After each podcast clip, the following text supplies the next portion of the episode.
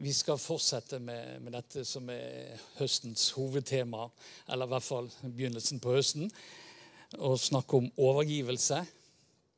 Sist søndag snakket vi om Maria, Jesu mor, sin overgivelse. Og, og nå skal vi se på disiplene sin overgivelse og disiplene sitt med fokus på det at de forlot alt og fulgte ham. Og det er jo spennende å se, og vi kjenner nok alle disse tekstavsnittene, for de står i de forskjellige evangeliene. Eh, jeg har valgt Lukas 5, 1-11, så vi skal lese der i Jesu navn. En gang Jesus sto ved Genesaretsjøen, og folk trengte seg om ham for å høre Guds ord, fikk han se to båter som lå ved stranden. Fiskerne var gått ut av dem og holdt på å skylle gardene. Jesus steg opp i en av båtene, den som tilhørte Simon, og ba ham legge litt ut fra land. Så satte han seg og underviste folkemengden fra båten. Da han var ferdig med å tale, sa han til Simon, legg ut på dypet og kast noten til fangs. Mester, svarer Simon, vi har strevd hele natten og ingenting fått. Men på ditt ord vil jeg kaste noten. Så gjorde de det og fikk så mye fisk at noten holdt på å revne. De ga tegn til kameratene i den andre båten at de skulle komme og ta i med dem. Og da de kom, fylte de begge båtene, så de var nær ved å synke. Da Simon Peter så det, kastet han seg ned for Jesu føtter og sa, Gå fra meg, Herre, for jeg er en syndig mann. For han og alle som var med ham, var slått av undring over den fangsten de hadde fått. Likedan var det med Sebudeus-sønnene, Jakob og Johannes, som fisket sammen med Simon. Men Jesus sa til Simon, 'Vær ikke redd. Fra nå av skal du fange mennesker.' Så rodde de båtene i land og forlot alt og fulgte ham. Jesus hadde virket en tid i Galilea, som vi forstår bl.a. av det første verset. Folk trengte seg om han for å høre hans ord. De hadde hørt om, og noen hadde nok gjerne sett, at han gikk rundt og helbredet syke. Drev ut onde ånder. Så det var ikke tvil om at ryktet om han det hadde spredd seg i omegnen. Og Her leser vi om tre av disiplene som møter Jesus for første gang. Og Det er Simon Peter og brødrene Jakob og Johannes. Og det er de vi holder oss litt til i denne talen her. Båten de hadde fisket med, var lagt til land, og de holdt altså på med å gjøre garnet rene. De hadde jobbet hele natten og ikke fått noe fisk. Det må jo ha vært en eh, litt sånn negativ opplevelse. Rett og slett, for å si det sånn. Og Jesus spurte om han kunne få bruke båten der de var og holdt på å jobbe, sånn at han kunne tale til folket. Og det fikk han lov til. Og da han var ferdig å tale, så er det som om Jesus vil takke dem for at han har lovt båten. Eh, og så sier han og utfordrer de. Og det er jo tydelig at eh, disse her eh, unge mennene kjente Jesus, så de nølte ikke når han spurte om å få lov. De, og når han ber de dra ut igjen for å fiske, så gjør de også det. Da drar de ut igjen og prøver en gang til fordi at han sa det. Og så får de en kjempestor fangst. Og totalt overraskende så anerkjenner de Herren. Og Simon viser det fysisk ved å bøye seg ned for ham. Um,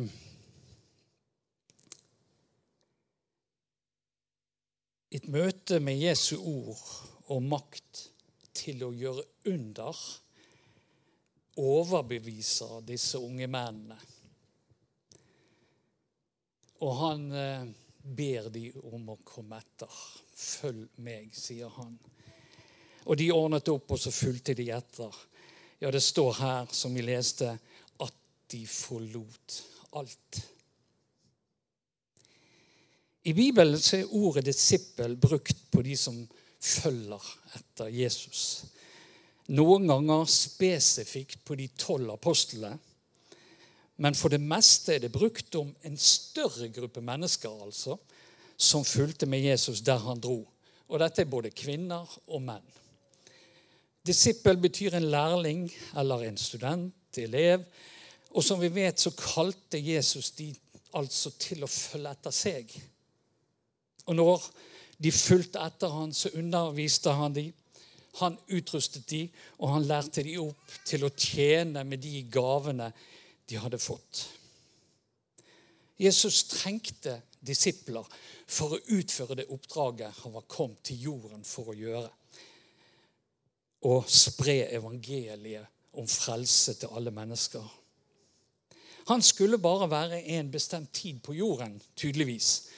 Og han måtte bruke denne tiden til å lære opp de som skulle ta over denne jobben. De som skulle ta dette videre reise ut og rundt med evangeliet. Disse måtte han lære opp, så dette er en, en helt logisk plan for, fra Jesus i det som skjer. Jesus ville ha vanlige mennesker til denne jobben. Han begynte her med fiskere, ikke sant? Han valgte ufullkomne mennesker til denne oppgaven å spre evangeliet. Og vi leser i Bibelen hvor viktig disiplens oppgave var, og hvor bevisst Jesus var i det å kalle disipler og lære dem opp. Han valgte de tolv som han lærte opp. De levde tett på han og var med han overalt. I evangeliet ser vi at han instruerer dem og sender dem ut med evangeliet. Og I tillegg til disse så utpekte han seg en større gruppe, som vi vet, 70 er nevnt, og sender også de ut på samme måten. Og de dro ut og forkynte det glade frelsesbudskapet. De helbredet syke, de òg. De drev ut onde ånder, og de forkynte at Guds rike var kommet nær. Og selv om ånden ennå ikke var kommet til jorden for som vi vet skjer etter at Jesus er dratt opp igjen til himmelen, så fungerte de i de åndelige gavene. Det ser vi når vi leser om de. Og Disse tre som vi hører her i teksten, Simon, Peter, Jakob og Johannes, de var unge menn, og han kalte de til å komme etter seg. Og Disse tre de hørte til den indre kretsen av Jesu etterfølgere. Og Det var disse tre som fikk se Jesus på det som kalles Forklarelsens berg, der han eh, blir forvandlet og de får se han og se at han snakker både med Elia og Moses der oppe. Så disse tre fikk en, en tett relasjon til Jesus. Det vi vet om de videre Jeg hopper bare fort over det. Det er både at Simon Peter og Jakob led martyrdøden. Så de døde på jobb, for å si det sånn, mens de forkynte. Johannes døde i Efesus. Eh, og han ble nærmere 100 år gammel, og han ble den eldste av apostlene. Det som vi vet og skjønner ut av det vi har lært, og det vi ser, og det vi har lest i dag, det er at Jesus forandret deres liv. Og de fulgte han dit han ledet i hele livet. Det er et vitnesbyrd fra, fra disiplene og sånn som de her. Det å overgi seg til Jesus kan da for noen bety at han ber de om å forlate alt og følge han. Og det er det, det vi ser at disse tre gjør. I Lukas 9 så møter Jesus noen andre som vil følge han. Og han møter dem med en, en fasthet som eh, når du leser det med første øyekast, virker unødvendig hard, syns jeg. Jeg vet ikke om dere tenker det samme, men hør nå. Altså Lukas 9, dette er fra vers 59 til 62. Jeg leser først et par vers, og så et par vers seinere. Han sa til en annen, 'Følg meg'. Men mannen svarte, 'La meg først gå hjem og begrave min far.'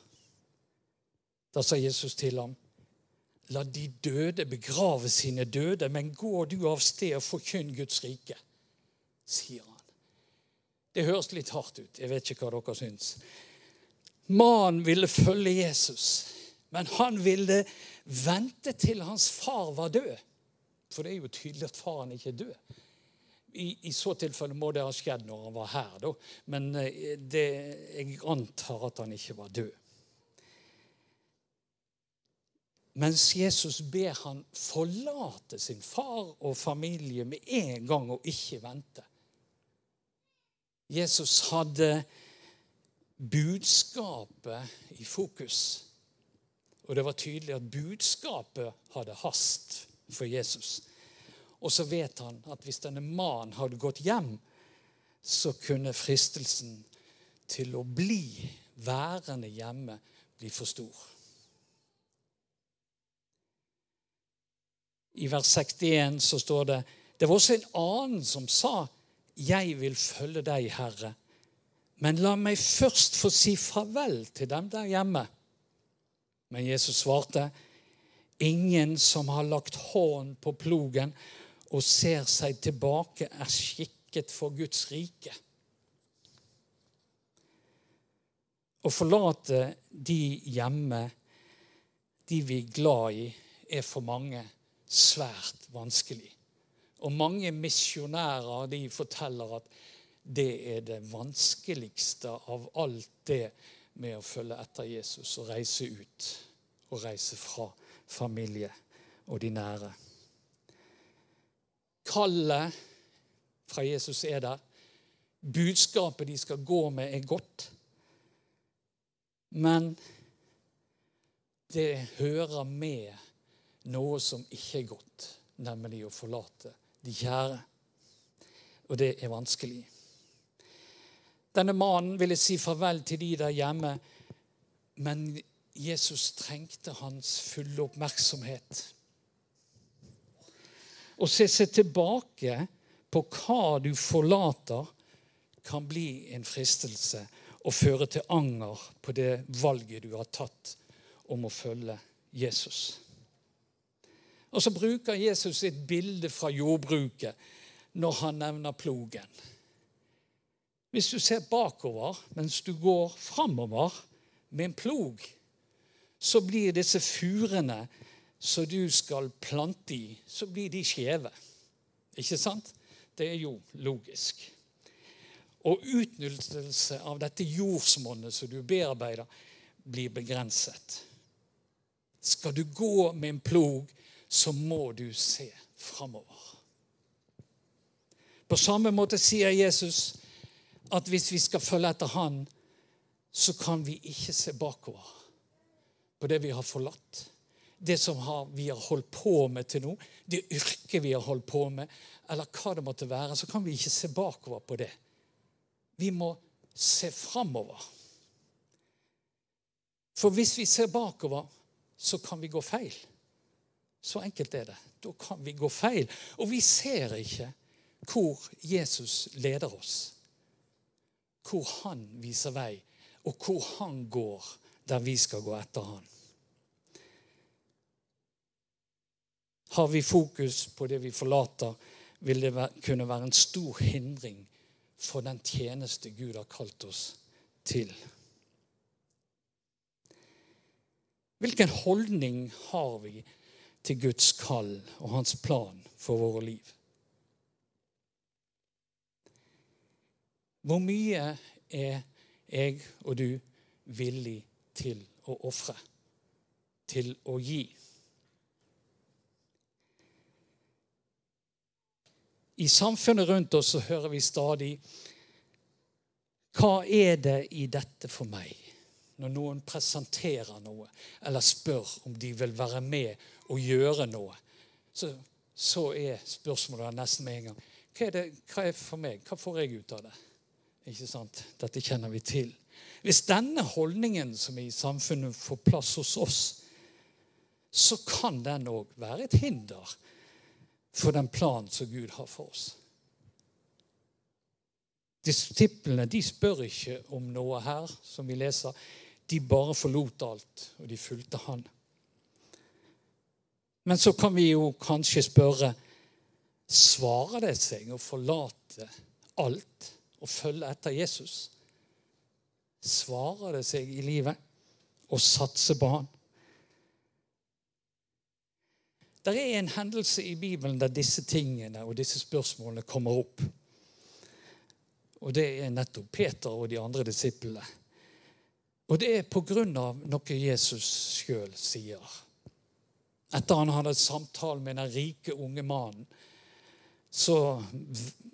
som velger å gå fra Jesus istedenfor å følge etter han, så sier Jesus til disiplene i vers 25, dette i Markus 10, det er lettere for en kamel å gå gjennom et nåløye enn for en rik å komme inn i Guds rike, sier han.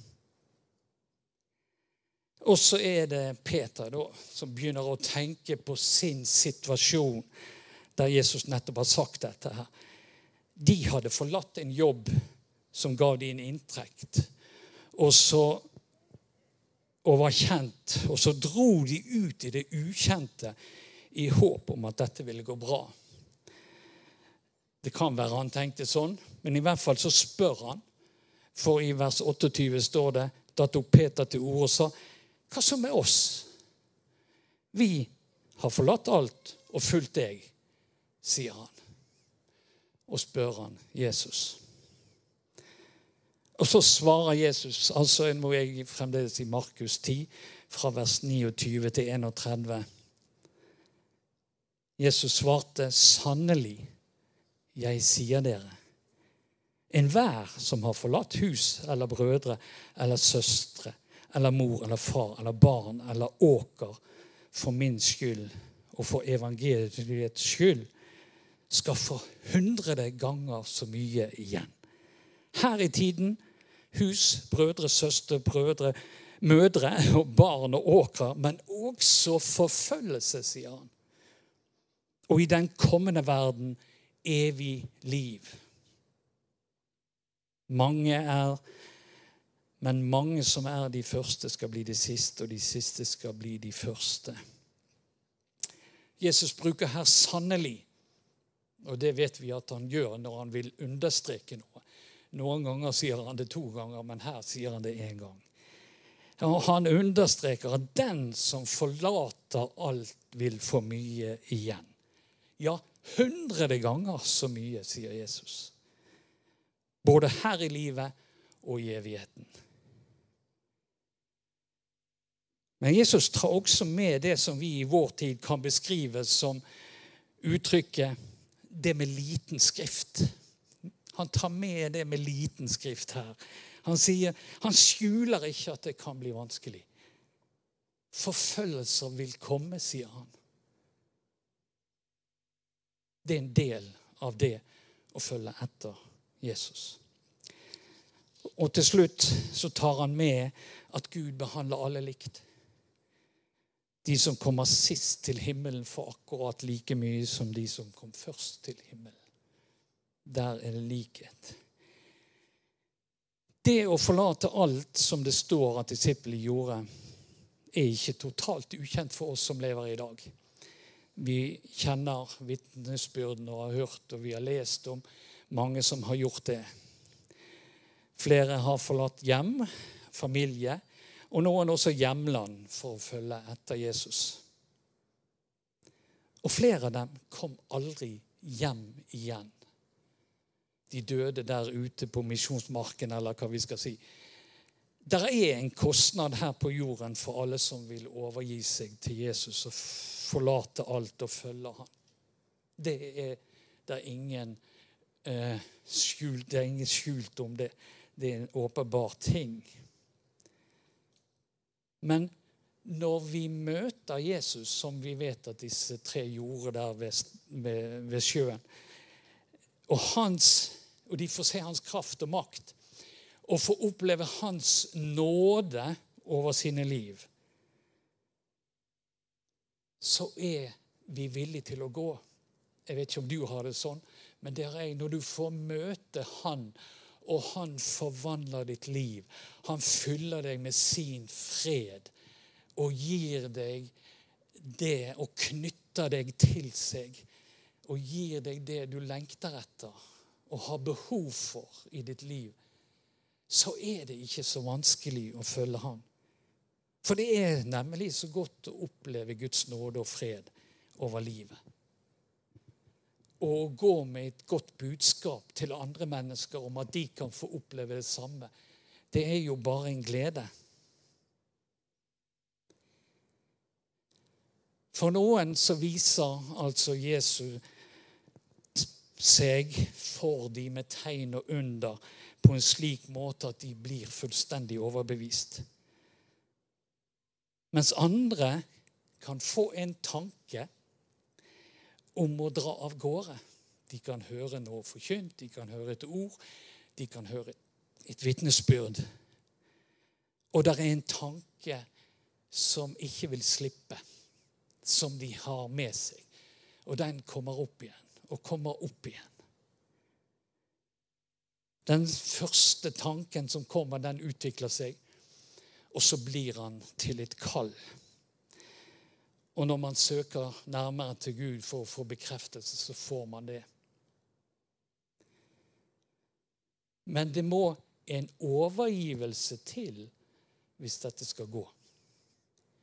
Det er tydelig, og det vitner folk òg om.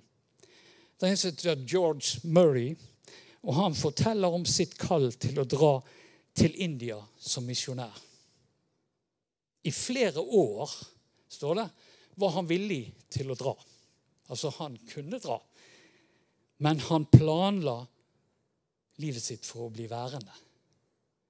Og så sier han det var ikke før han begynte å planlegge å dra, og samtidig som han var villig til å bli værende, at Gud sendte han ut til Italia. Ser du forskjellen?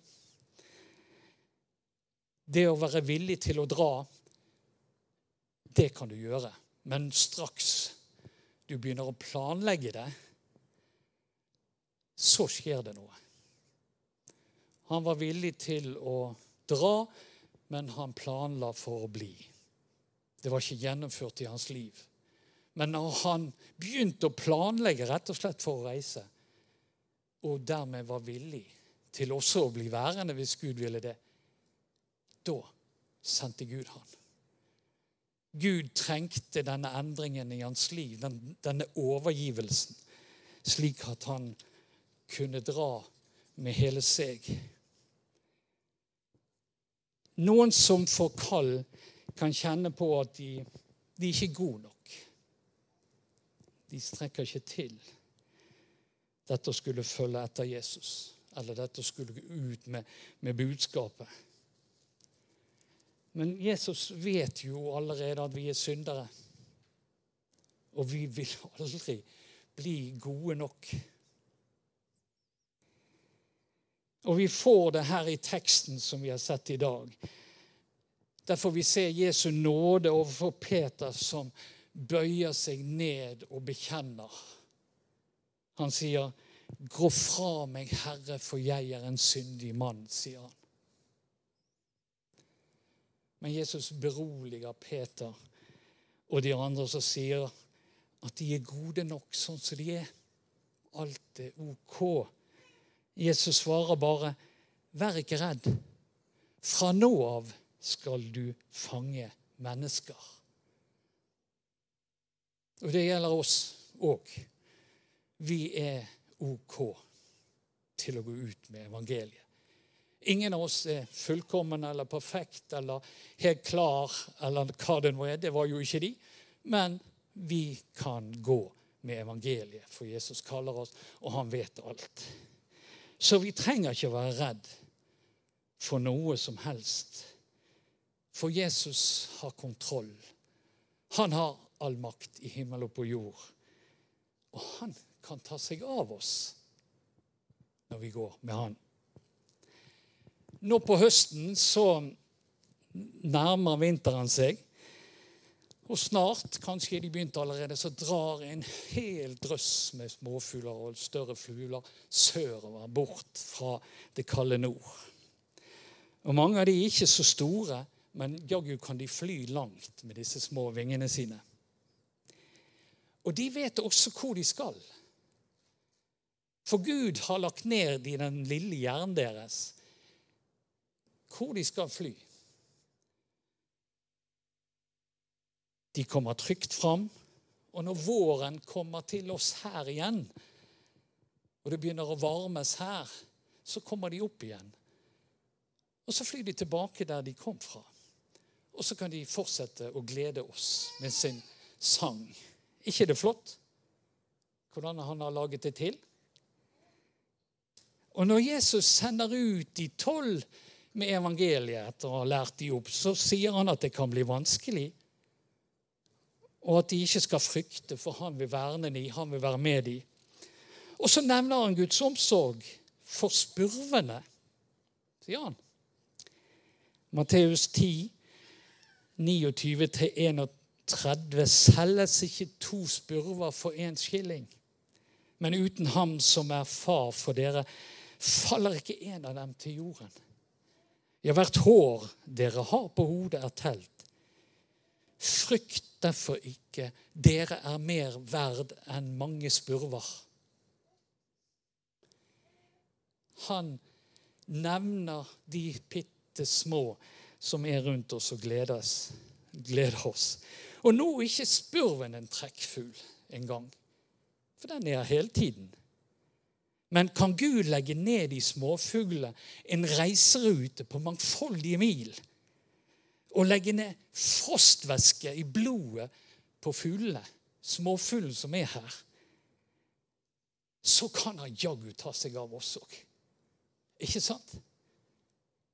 Og det er det Jesus forsøker å si til de apostlene når han sender dem ut. Han kan ta seg av oss, så vi trenger ikke å være redd for noe. Her i menigheten så har vi valgt en visjon der vi klart uttaler at vi ønsker å følge etter Jesus. Ikke sant? Vi vil være et fellesskap av Jesu etterfølgere. Hørte dere det? Jesu etterfølgere i Arna som henter veiledning og styrke i Guds ord.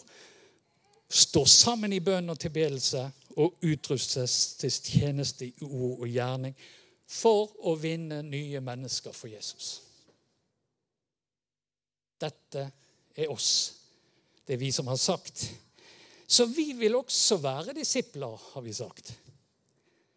Og vi vil følge etter Jesus der han leder oss, også som et storfellesskap. Jesus kaller oss til å overgi vår lit til Han og til å følge etter Han. Slik at Han kan gjøre oss til det Han har tenkt at vi skal gjøre for Han. Og Han har lagt ned i oss det som skal til. Og hvis ikke det er der, så vil Han gjøre det underveis, sånn at vi har det vi trenger og det er det mange her og andre steder som kan vitne om at sånn er det.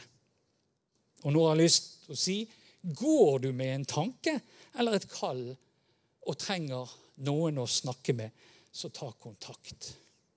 For det kan være det er en liten tanke som ligger der, og som, der Gud har gitt, og som er om noe som skal skje fram i tid. Det å være villig å forlate alt betyr å sette Jesus først i livet. Å ha Jesus som Herre. Og Jeg skal avslutte med et vers og et kor fra denne kjente sangen, som jeg sang i min ungdom i Betel i byen. Alt for Jesu fot jeg legger. Alt hva jeg her kaller mitt. Jeg vil elske, jeg vil tro ham, følge ham for hvert et skritt. Jeg vil gi deg alt. Jeg vil gi deg alt. Du skal råde, kjære frelser. Jeg vil gi deg alt. Skal vi be sammen? Vi takker deg, Herre, at du også kaller oss. Og at vi får lov til å komme fram for deg og si, Herre, vi, send oss, bruk oss. Ta oss slik som du ser at det kan tjene deg og ditt rike. Herre, vi takker deg for disiplene og for alle misjonærer og alle vitner vi har hørt som forteller om deres liv med å reise der du sender dem. Enten det er langt, eller de bare tjenestegjør der de bor, for du har kalt dem til det. Ja, vi takker deg, Herre, for at du har en plan. Og så har du alt det vi trenger. Vi er gode nok for deg, for du er en allmektig Gud som kan gi oss det vi trenger for å tjene deg. Jeg ber Herre om at du ser til den enkelte av oss, og som fellesskap og menighet. La oss få være en menighet som drar ut med evangeliet og gjør det du vil at vi skal gjøre. Og jeg ber, Herre, om det er enkeltmennesker som går med et kall som du har gitt dem, om å f.eks. reise ut med evangeliet, så ber jeg om at de blir istandsatt, utrustet til det. Og at vi som menighet også kan få sende ut noen eh, med evangeliet. Jeg takker deg for de som er ute, for de som har dratt ut på korte og lengre perioder. Og vi ber om at du skal velsigne de som nå er av gårde, og ikke her i menigheten. Jeg takker deg for at vi skal få sammen tjene og ære deg med våre liv. Og takk for alle som støtter og ber for det arbeidet som gjøres, og for alle de som reiser ut. Så legger vi oss i dine hender og ber om at du velsigner oss. Amen.